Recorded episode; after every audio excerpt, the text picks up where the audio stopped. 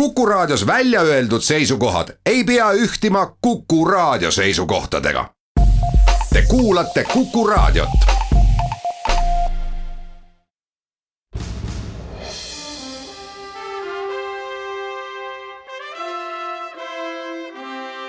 vahetund Postimehega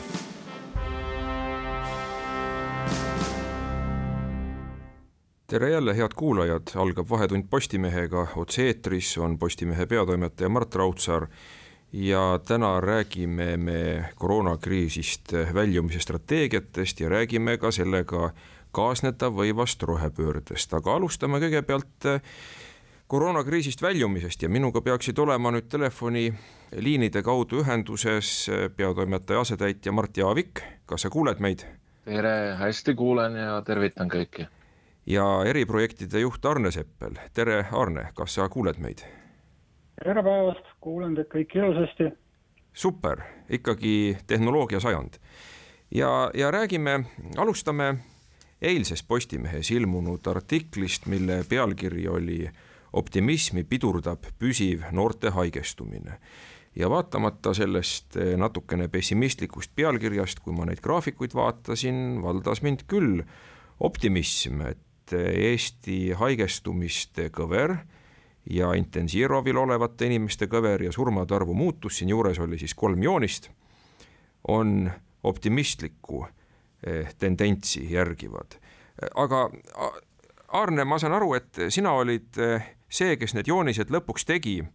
Neid andmeid vist ei olnudki väga lihtne saada või nad tulid suhteliselt hilja õhtul no mina panin need joonised kokku, aga need andmed on siiski pärit Krista Fischeri ja Maarja Kadastiku käest, et nemad juhivad andmeteadlaste gruppi, kes aitab eriolukorra staabil modelleerida võimalikke epideemia stsenaariume. ja nendelt graafikutelt on ilusasti näha kolm stsenaariumit pessimistlik, keskmine ja optimistlik stsenaarium. ja tõepoolest, kui neid graafikute jooni võrrelda reaalse, reaalsete andmetega, siis on näha, et Eestil läheb nagu päris hästi. ja, aga see ei ole päris puhas tõde, et kui nüüd natuke neid andmeid sisse vaadata ja just vaadata seda dünaamikat, et kuidas nakatumine või uute diagnooside arv on erinevates vanusegruppides, et võtame laias laastus, et viiekümnendast eluaastast nooremad ja viiekümnendast eluaastast vanemad, siis tõsi jah, viimastel päevadel on öö, mõlemas grupis see joon niimoodi laugelt allapoole. aga kui vaadata natukene spetsiifilisemalt Harjumaad, noh, kus elab ikkagi väga-väga palju inimesi siis on näha, et vanemas vanusegrupis tõepoolest see joon läheb laugelt allapoole, aga just nooremas vanusegrupis joon ei tõuse, aga noh, ta ei lange ka nii hästi, kui tegelikult võiks.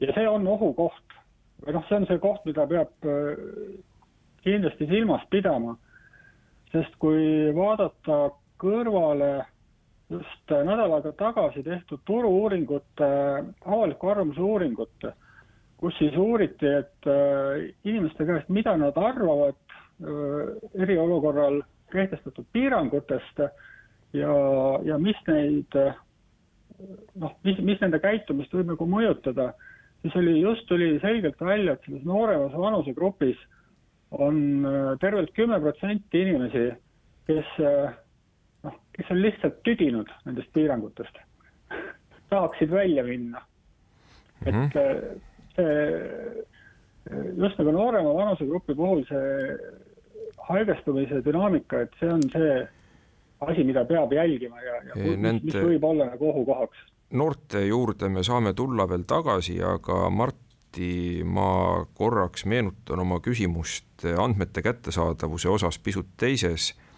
vormis, et et ma mäletan selle koroonakriisi algusest oli, oli pidevalt toimetuses meil küsimus, et kas me saame kätte stsenaariumid, millised on võimalikud äh, rasked, kerged ja keskmised äh, haiguse kulgemise stsenaariumid, haigestumise kulgemise stsenaariumid ühiskonnas. ja, ja siis meile väideti, et neid andmeid ei ole. kas nüüd need andmed, mis me oleme kätte saanud, on siis nagu uued andmed või ikkagi me oleme kätte saanud need andmed, mida algul väideti, et ei ole olemas? No mina saan, mina olen sellest ikka nii aru saanud, et Krista Fischeri ja Maarja Kadastika terve suurema eh, ringkonna tehtud on need nüüd pärast seda kriisi puhkemist ja pärast eriolukorra kehtestamist, nii et mm, -hmm. et sellest, mida seal Terviseamet mudeldas või ei mudeldanud või mis stsenaariumid neil olid, sellest me ei tea midagi, aga noh, ma arvan, et see stsenaariumite eh, tähtsus iseenesest, kui nad on olemas, kenasti arvutatud, statistikud teinud, siis see äh, on, on üks tükk, noh, järgmine küsimus on see, et kas nad ikka saavad kõik andmed kätte, mida nad tahavad, kas äh, on mingisuguseid sisukaid küsimusi, mida peaks veel olema ja mis peaks olema veel kiiremini ja, ja mida nendest, nendest kõigist järeldada on. muide, Terviseamet on rääkinud andmete puhastamisest aeg-ajalt, et mida, mida see tähendab, oled sa aru saanud? Ma võin äh, rääkida, rääkida sellest natukene seda, et see tegelikult see andmete puhastamine ei ole päris õige termin. et äh, ma mingil hetkel süüvisin sellesse teemasse ja, ja mulle toodi niisugune tore termin nagu elav statistika, et tegelikult elu, elustatistika? elav. elav statistika, jah, jah mm. -hmm. just nimelt, et tegelikult need andmed, mida, need diagnoosid, mida, mida meile edastatakse, et need on äh, üks rida epikriisist. aga epikriisi, noh, need. Äh, see epikriis on siis haiguslugu, eks ole? haiguslugu, just nimelt. ja mm, -hmm. aga see on selline dokument, mida tervishoiuteenuse osutajad ehk siis arstid muudavad ja peavadki muutma niikaua, kuni see epikriis on lõpetatud. ehk siis me elame ja noh, nagu igapäevaselt jälgime neid andmeid, mis tegelikult äh, noh, nad peavadki olema muutumises mingil määral. ja see on muidugi tõsi, et äh, vähemasti nädal-paar, võib-olla isegi natuke rohkem, oli ikkagi väga suur probleem, et äh, noh, me saime diagnooside kohta andmeid väga suure viivitusega ja siis ühel hetkel, kui tõesti toimus see, et meile hakkasid need andmed uute nakatunute kohta tulema automaatselt, numbrid hakkasid jooksma automaatselt kokku, et siis toimusid suured hüpped ja, ja oli üsna, üsna segane. nii, ja, ja selle teemaga me saame, selle teemaga me saame jätkata, praegu läheme väikesele reklaamipausile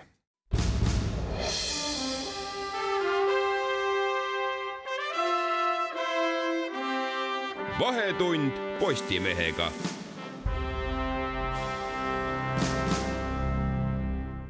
jätkub otsesaade Vahetund Postimehega. Saadet juhib Postimehe peatoimetaja Mart Raudsaar, minuga koos on telefoni teel eetris peatoimetaja asetäitja Mart Jaavik ja eriprojektide juht Arne Seppel ja enne reklaamipausi meil jäi Arnega jutt pooleli. me rääkisime andmetest, me rääkisime sellest suurest artiklist, mis eile Nende andmete põhjal Postimehes ilmus pealkirjaga Optimismi pidurdab püsiv noorte haigestumine, kuhu siis eh, juurde käinud kolme graafikut aitas eh, Aarne koostada ja enne pausi me rääkisime andmete puhastamisest ja sul jäi seal jutt pooleli. ma tegelikult tahaksin nagu korraks tuua ühe aspekti veel mängu, mis eh, ootab meid tõenäoliselt ees järgmisel nädalal. juba paar nädalat tagasi Terviseamet hakkas rääkima sellest, et äh, perearstidele on antud õigus või antud nagu kood, et nad saavad kliinilise pildi järgi diagnoosida koroonat. Äh, see lihtsustatult öeldes tähendab see seda, et nad saavad diagnoosida koroonat ilma koroonatesti tegemata.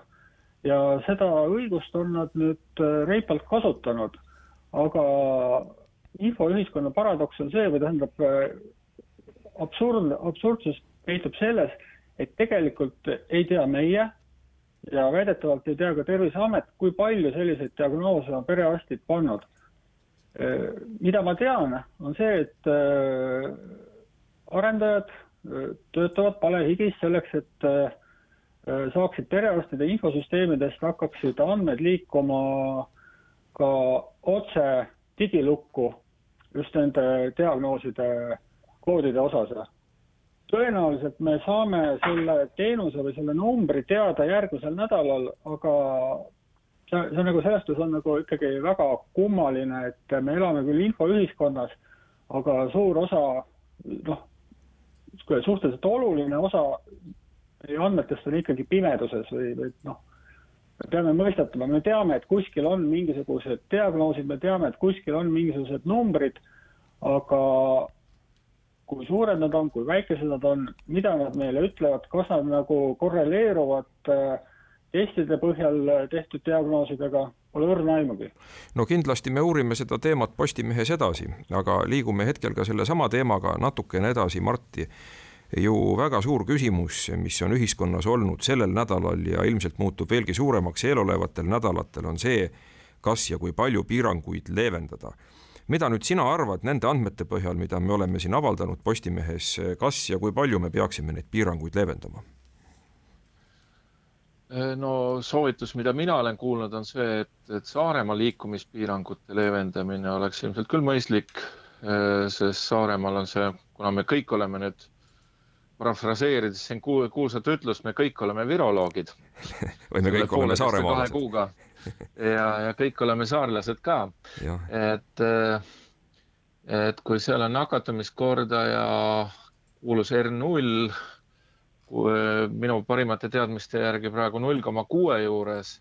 see tähendab siis. mis on üle, ülejäänud Eestist madalam, et Äh, vabanda, see tähendab, kas ma saan õigesti aru, see tähendab, et üks haige üks nakatab null koma kuut inimest? keskeltläbi null koma kuut jah. Ja, või kümme haiget nakatavad kuut edasi. eks haigus on väljasuremiskursil selle järgi, see on selle tähendus. aga mõte on selles, et et kui nakatumiskordaja on seal madalam kui ülejäänud Eestis, siis eh, on võib-olla mingi loogika kaitsta saarlasi üle, ütleme tallinlaste eest, aga aga mitte see, et saarlased ei saa vabalt liik-, tööle liikuda siia-sinna ja et ütleme, et Saaremaa majandust ka päris ära ei pitsitataks. -hmm. Ma arvan, järgmine küsimus on tegelikult see, mida me pikisilmi ootame Euroopa Komisjoni poolt, Euroopa riigijuhtide poolt, et mis on need koordineeritud sammud piiride avamisel, sest see on ju tegelikult ikkagi majanduse võti, et, et see, et kõik eestlased siin võtavad kanad või hakkavad porgandeid kasvatama rõdul, eh, Mustamäe korteri rõdul, et, et see ei ole päris võib-olla see suur lahendus selleks, et me oma äh, elu, elu siin aasta lõpus päris vaesena ei lõpetaks.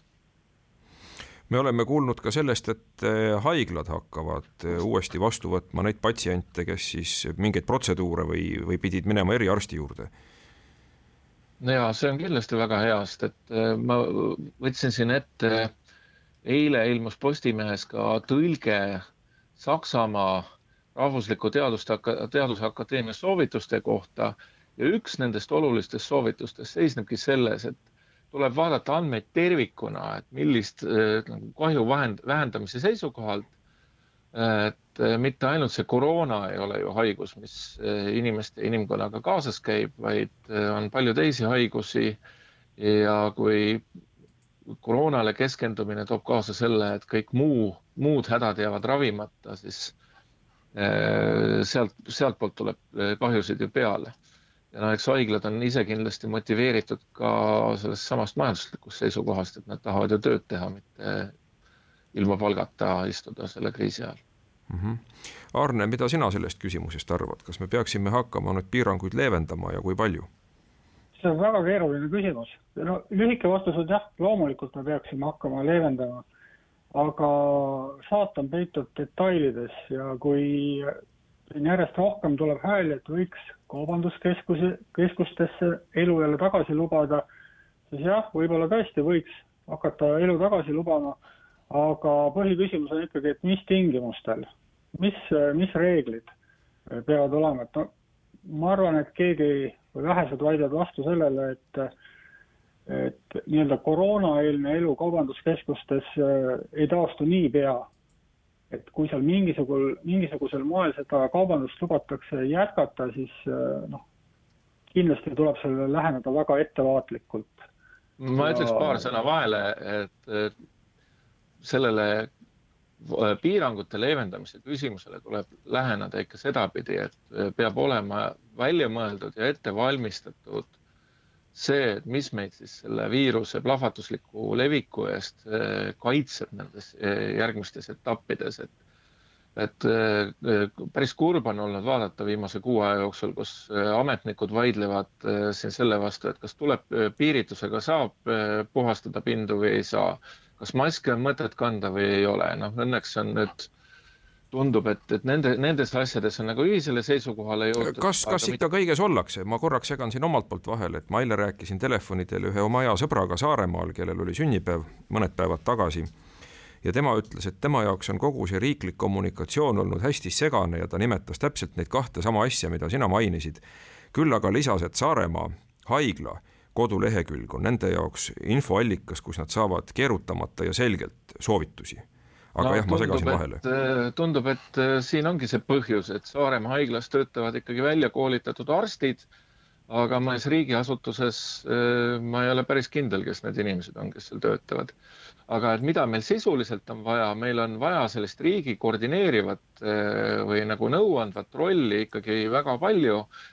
et iga ettevõtja ei peaks ise hakkama leiutama neid soovitusi, kuidas oma eh, tööd paremini korraldada, et midagi oleks, mille peale me saame loota, et vaat kui me seda teeme, siis need on kindlad elemendid. Mhm. ja kindlasti tasub vaadata, jah. vabandust, korra segan vahele, et kõik on õige, et ettevõtjad vajavad mingisugust usaldusväärset sõnumit, mille peale saaks loota, aga mulle tundub, et selle üheselt mõistetava ja usaldusväärse sõnumiga noh, on väga suuri probleeme nii ametnike kui ka poliitikute tasandilt. No Jüri Ratas on ei... väga kenasti pressikonverentsidel seda maski kandnud, eks ole, ja ei vaidle, et kas sealt läheb nüüd väiksem osake või suurem osake vahe läbi, et et äh, küsimus on ju selles, et on vaja tervet hulka väikseid asju, väikseid igapäevaseid asju, kaasa arvatud see käte pesemine, äh, pesemise külge harjutamine, mis kõigil tundub, et ei ole ka lapsepõlvest nii hästi selgeks saanud. Ja nii edasi, nii edasi, need maskid, distantsi pidamine, see, kuidas eriti juhtide poolt, et kuidas siis tööd täpselt korraldada niimoodi. ma lugesin näiteks autotööstuste avamisest nagu üks täitsa tühine detail lihtsalt, mis jäi meelde, aga aga Volkswagen AG on eh, lisaks muule läbi mõelnud ka selle, et lisaks tööliste liikumistrajektooridele ka selle, kuidas nad üksteisele detaile ja tööriistu üle annavad. Et nad ei anna mitte käest kätte, vaid panevad maha ja siis teine kuidagi võtab need eh, oma kummi kinnastatud või mis iganes kinnastatud kätega ja nii edasi, nii edasi, et et siin on väga palju detaile, võib-olla kõike ei pea need viroloogid ja ja, ja mingisugune riiklik sund ette andma, aga, aga niisugust mõtteviisi ja, ja soovitust, kuhu vaadata, seda oleks vaja nii, aga kindlasti me saame selle teema juurde järgmistel nädalatel veel tagasi tulla, missugused on meie koroonakriisist väljumise strateegiad, ma tänan teid väga. Siis eh, minuga koos, kes ma olen Postimehe peatoimetaja Mart Raudsaar, kõnelesid eh, meie koroonakriisist väljumisest eh, peatoimetaja asetäitja Mart Jaavik, eriprojektide juht Arne Seppel.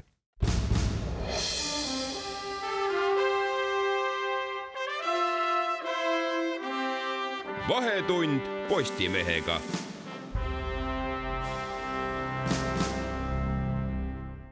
eetris jätkuvalt Postimehe peatoimetaja Mart Raudsaar kuid saatekülaline on vahetunud ja meiega peaks olema liitunud nüüd telefoni teel Tartu Ülikooli vanemteadur Aveliina Helm. tervist, olen liitunud. kelle kohta võib öelda ökoloog, bioloog, looduskaitseteadlane ja kui ma lugesin internetiavarustest veel informatsiooni, ma sain aru, et Aveliina tegeleb ka selliste huvitavate asjadega nagu siis pärandkoosluste kaitse ja on ta ka ökoloogilise taastamise ühingu Euroopa sektsiooni juhatuse liige. aga räägimegi ökoloogiast pisut ja mis siin salata, Aveliina oleks olnud märtsikuus toimuma pidanud Postimehe arvamusliidrite lõunasöögi üks põhiesinejatest, me ju teame paraku, et nii nagu muud avalikud üritused, ka see jäi ära ja jäi ta ära koroonakriisi pärast. ja me ju teame, mida on siin korduvalt öeldud, et igasuguses kriisis peituvad võimalused. ja üks võimalus on meil ju ka muutuda pisut keskkonnasõbralikumaks selle kriisi järel, juba kriisi jooksul ja kriisi järel, millest me tänases Postimehe juhtkirjas ka pisut kirjutame, ma tsiteerin selle juhtkirja lõppu. oluline pole see, kas Veneetsia kanalites on praegu vesi puhas vaid see, kas praeguseid kavandatavaid suuri riiklikke investeeringuid suunatakse keskkonnasõbralikesse uutesse lahendustesse või lihtsalt vana põletamismajanduse uuesti käimapanemisse. tsitaadi lõpp ja, ja tõesti juba tegelikult ka enne seda kriisi Euroopa Komisjon rääkis väga palju sellest, et oleks vaja uusi komis-, uusi meetmeid, uusi tehnoloogiaid, mis aitaksid meil kasutusse võtta keskkonnasõbralikumaid tehnoloogiaid. aga kuidas, Aveliina, kuidas me seda kriisi siis võiksime kasutada nii, et me saaksime sellest võimalikult kasu ühelt poolt majandusele, aga teiselt poolt ikkagi keskkonnahoiule?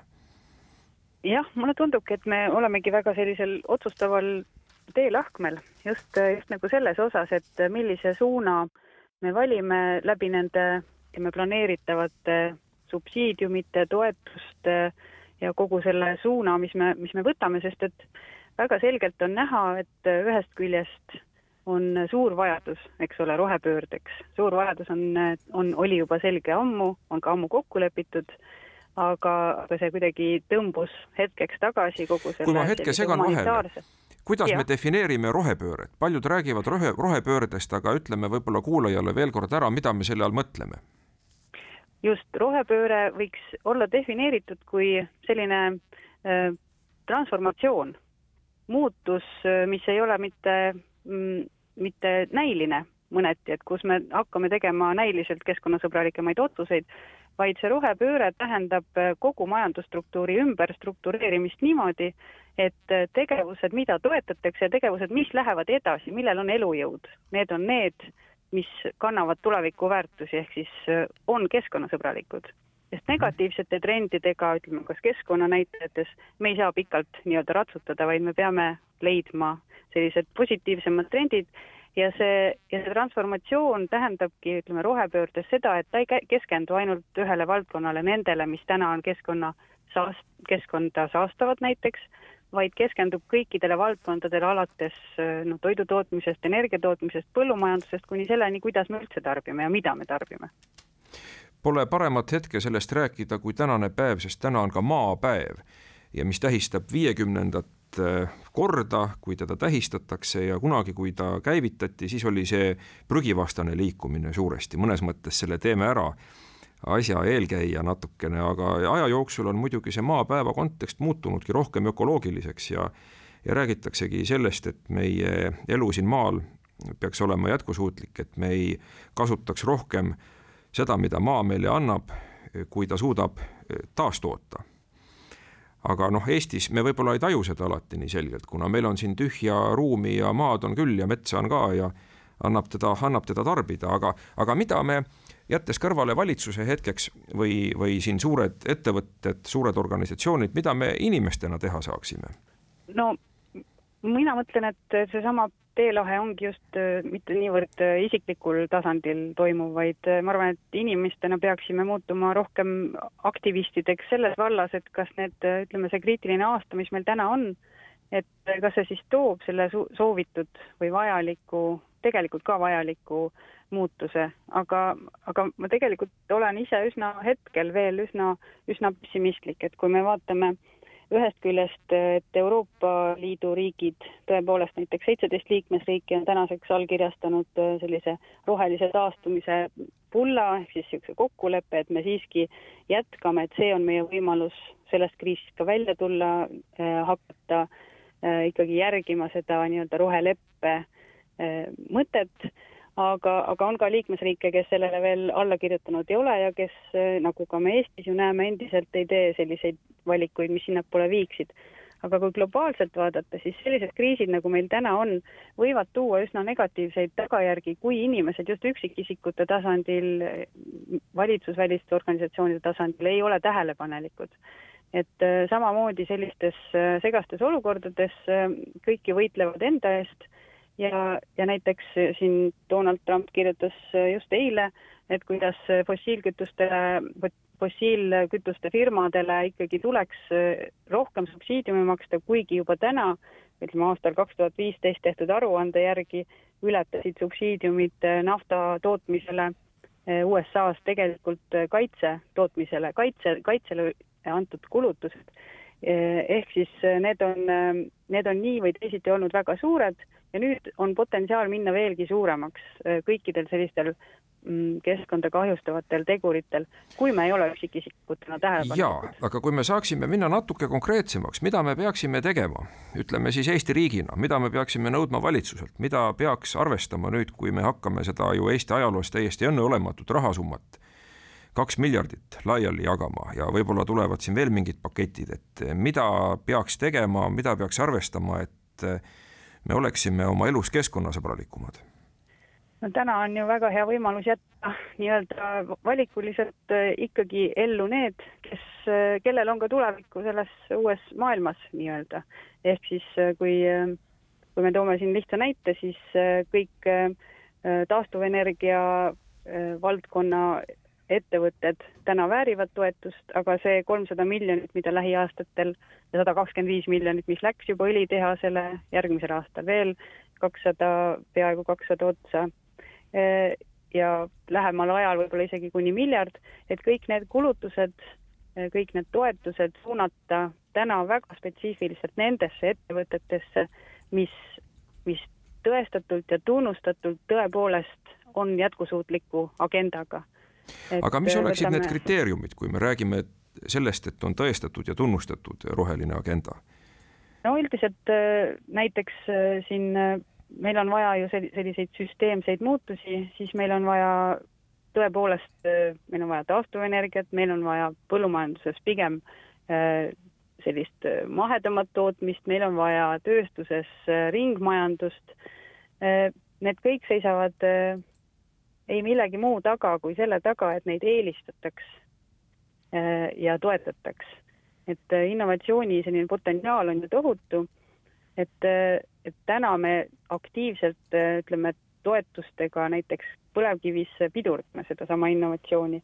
kui sa tahad mõõdikuid, siis see on loomulikult natukene suurem töö neid välja mõelda, aga kas või täna Marek Strandberg tõi näite, et kas Bolti toetada või mitte, kui Bolt sõidaks elektriautodega äh, ja kasutaks taastuvenergiat, siis võiks mõelda sellele, aga kui ta on ettevõte, mis ei ole sellele tähelepanu pööranud, et kuidas ta oma jälge, nii-öelda keskkonnajälge hoiab minimaalsena või panustab võimalikult palju nii-öelda sellisesse rohelisse arengusse, siis see ei kuulu ettevõtete, justkui ei võiks kuuluda ettevõtete hulka, mis, mida peaks nii-öelda edasi putitama.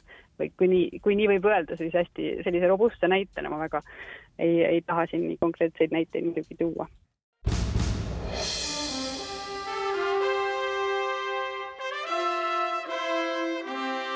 vahetund Postimehega.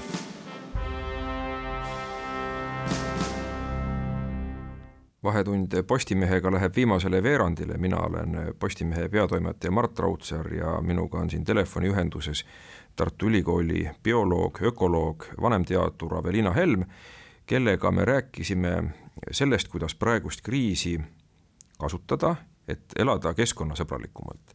ja täna on selleks õige päev, et seda kõnelda. maapäev tähistab täna viiekümnendat korda ja e, seega siis nüüd on igasugused ülemaailmsed üritused täna toimumas, põhiteemaks, millest me siis ka Postimehes kirjutame kahel leheküljel, on kliimategevus pingutused globaalse soojenemise vähendamiseks, aga kogutakse ka siis äh, nutirakenduste abil andmeid õhusaaste, plastsaaste ja näiteks putukate elujõulisuse kohta. no vahepeal me kuulsime siin ühte huvitavat reklaami, kus öeldi, et võtke üks pudel erilist vedelikku ja see vähendab teie kütusekulu mootorites, jutt käib siis traditsioonilistest sisepõlemismootoritest, ma, ma ei tea, kas ja kuidas see toimib igasugune kütusekulu vähendamine iseenesest on tore, aga ma olen ikkagi seda meelt, et me peaksime vaatama juba teistsuguste mootorite peale ka siin Eestis perspektiivis, mitte väga pikas perspektiivis ja võtma vaatluse alla lisaks elektriautodele ka vesinikuautod. Absoluutselt, et, et tegelikult vesinikutehnoloogia tervikuna on, on üks selline valdkond, mis, mis Eestis arendamist väga, väga, ütleme, on väga tugeva arendamispotentsiaaliga, et siin Tartu Ülikoolis on tehtud väga tänuväärset tööd ja kui alati kohtume sellise argumendiga, et ega me ei saa üleöö üle minna uutele tehnoloogiatele või üleöö sulgeda äh, mingisuguseid olemasolevaid äh, praktikaid, siis tõesti üleöö me seda teha ei saa, kuid see üleöö oli juba kümmekond aastat tagasi tegelikult pidanud sündima. täna meil on aeg sellele kiiresti üle minema, minema hakata, et siin vesinik on, on küll üks, üks lahendus, vesinik, mis oleks kombineeritud taastuvenergiaga, on, on see võtmesõna, ütleme niimoodi, see rohelik, roheline vesinik. avame natuke seda tausta, mida Tartu Ülikoolis selles vallas tehtud on? Tartu Ülikoolis töötab Enn Lusti töörühm, kes, kellel on tõepoolest toimivad lahendused, mis vajavad üleskaleerimist nii-öelda suuremaks su, toimetamist ja mis ehk, oleksid ehk piltlikult Eesti... öeldes pole, pole kasu ühest mobiiltelefonist, et tuleksid kõik suurepärased rakendused, vaid kõik noh, mingi suurem hulk ühiskonnast peaks kasutama telefone, noh paralleeli tuues just, paralleeli tuues võib-olla tähendab see ka seda, et on vaja suuremat investeeringut, mis võimaldaks luua süsteeme, mis, mis võimaldavadki ära toita näiteks suure osa Eestist selle vastava, ütleme, energiasalvestusvõimega. et, et selliseid kombineeritud lahendusi, erinevaid kombineeritud lahendusi näiteks energia tootmises, need on kõik tehnoloogiad, mis meil täna on juba olemas ja vajavad rakendust ja see rakendus saab tulla ainult teadliku sellise suunamise käigus. kas ma olen õigesti aru saanud, et üks suund, mida uuritakse, on ka see, et tuulegeneraatorid, mille puhul me ju teame, et nad töötavad siis, kui tuult on ja võivad anda väga palju elektrit, aga elektrienergiat, aga hüppeliselt, et panna nad sellel ajal, kui meil seda elektrit võib-olla vaja pole, tootma vesinikku. just, nii see toimibki mm. -hmm. Ja... aga jah just see roheline vesinik, äh, sellel tuginebki, et on, äh, tema on selline energiasalvesti. ja see võimaldab tõesti sellel, sellisel tuulevaiksel perioodil siis, äh, siis sellest üle saada. ma tean, et mitmes Euroopa riigis on ka tööl vesinikurongid, vesinikubussid. on selline, selline suund, ühistransport on pandud vesiniku peale käima. just, et peaks äh, võib-olla rõhutama seda, et, et äh, selline ka tuleviku energiamajandus, tuleviku maastikukujundus, tuleviku põllumajandus, nendest äh, ükski ei ole nii-öelda ühe lauaga löödud lahendus, et mhm. et meie tulevik ongi kombineeritud lahendustest ja siin on, on rohkem kui üks võimalus liikuda hästi heade selliste tulemuste poole, et just. aga võib-olla proovime raadiokuulajale veel kirjeldada mõnda sellist ka kombineeritud lahendust, kui me kujutame ette noh, niisugust ideaalmaastikku, et kus me võiksime elada siis äh, kümne või kahekümne aasta pärast, et see rohepööre, millest me rääkisime enne reklaamipausi, on toimunud. kui meil on üks äh, väike ettevõtja, noh, niisugune võib-olla teenindusettevõtja, kas restoranipidaja või siis, või siis ka seal mõni selline mitte ilmtingimata transpordiettevõte, aga äh, niisugune väikese, väike, väikeettevõtja ikkagi kohalikus kogukonnas kuidas tema elu on muutunud, mida teeb ta nüüd teistmoodi, kuidas ta pakub oma teenust roheliselt võrreldes sellega, mis ta praegu teeb äh,?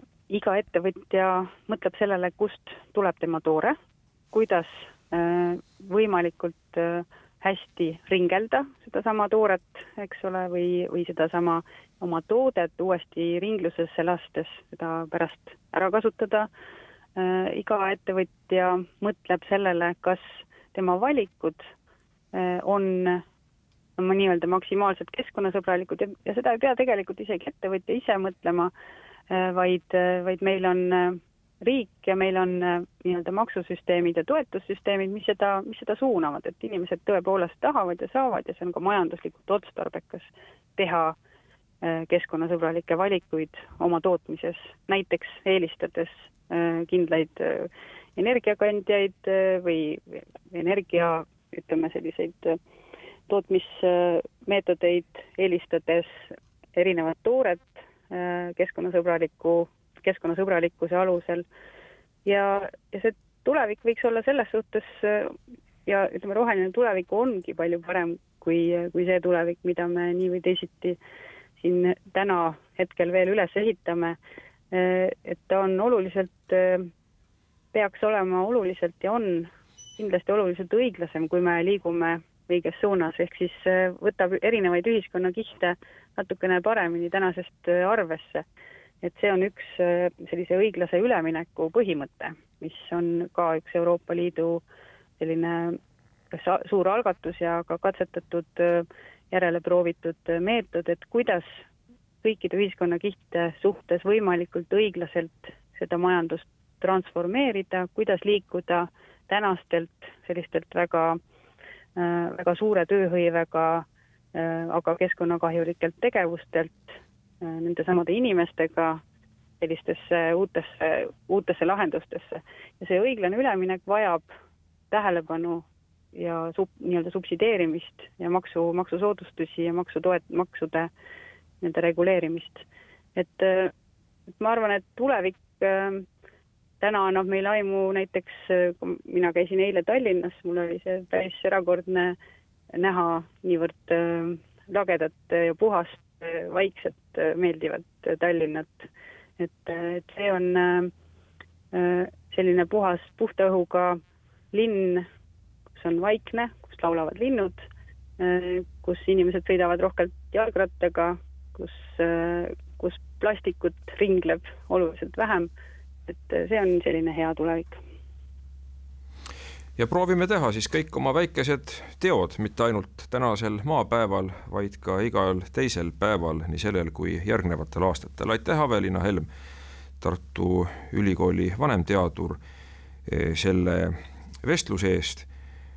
sellega on Vahetund Postimehega selleks korraks lõppenud. mina olen Postimehe peatoimetaja Mart Raudsaar, kõike head teile, jälle kuulmiseni.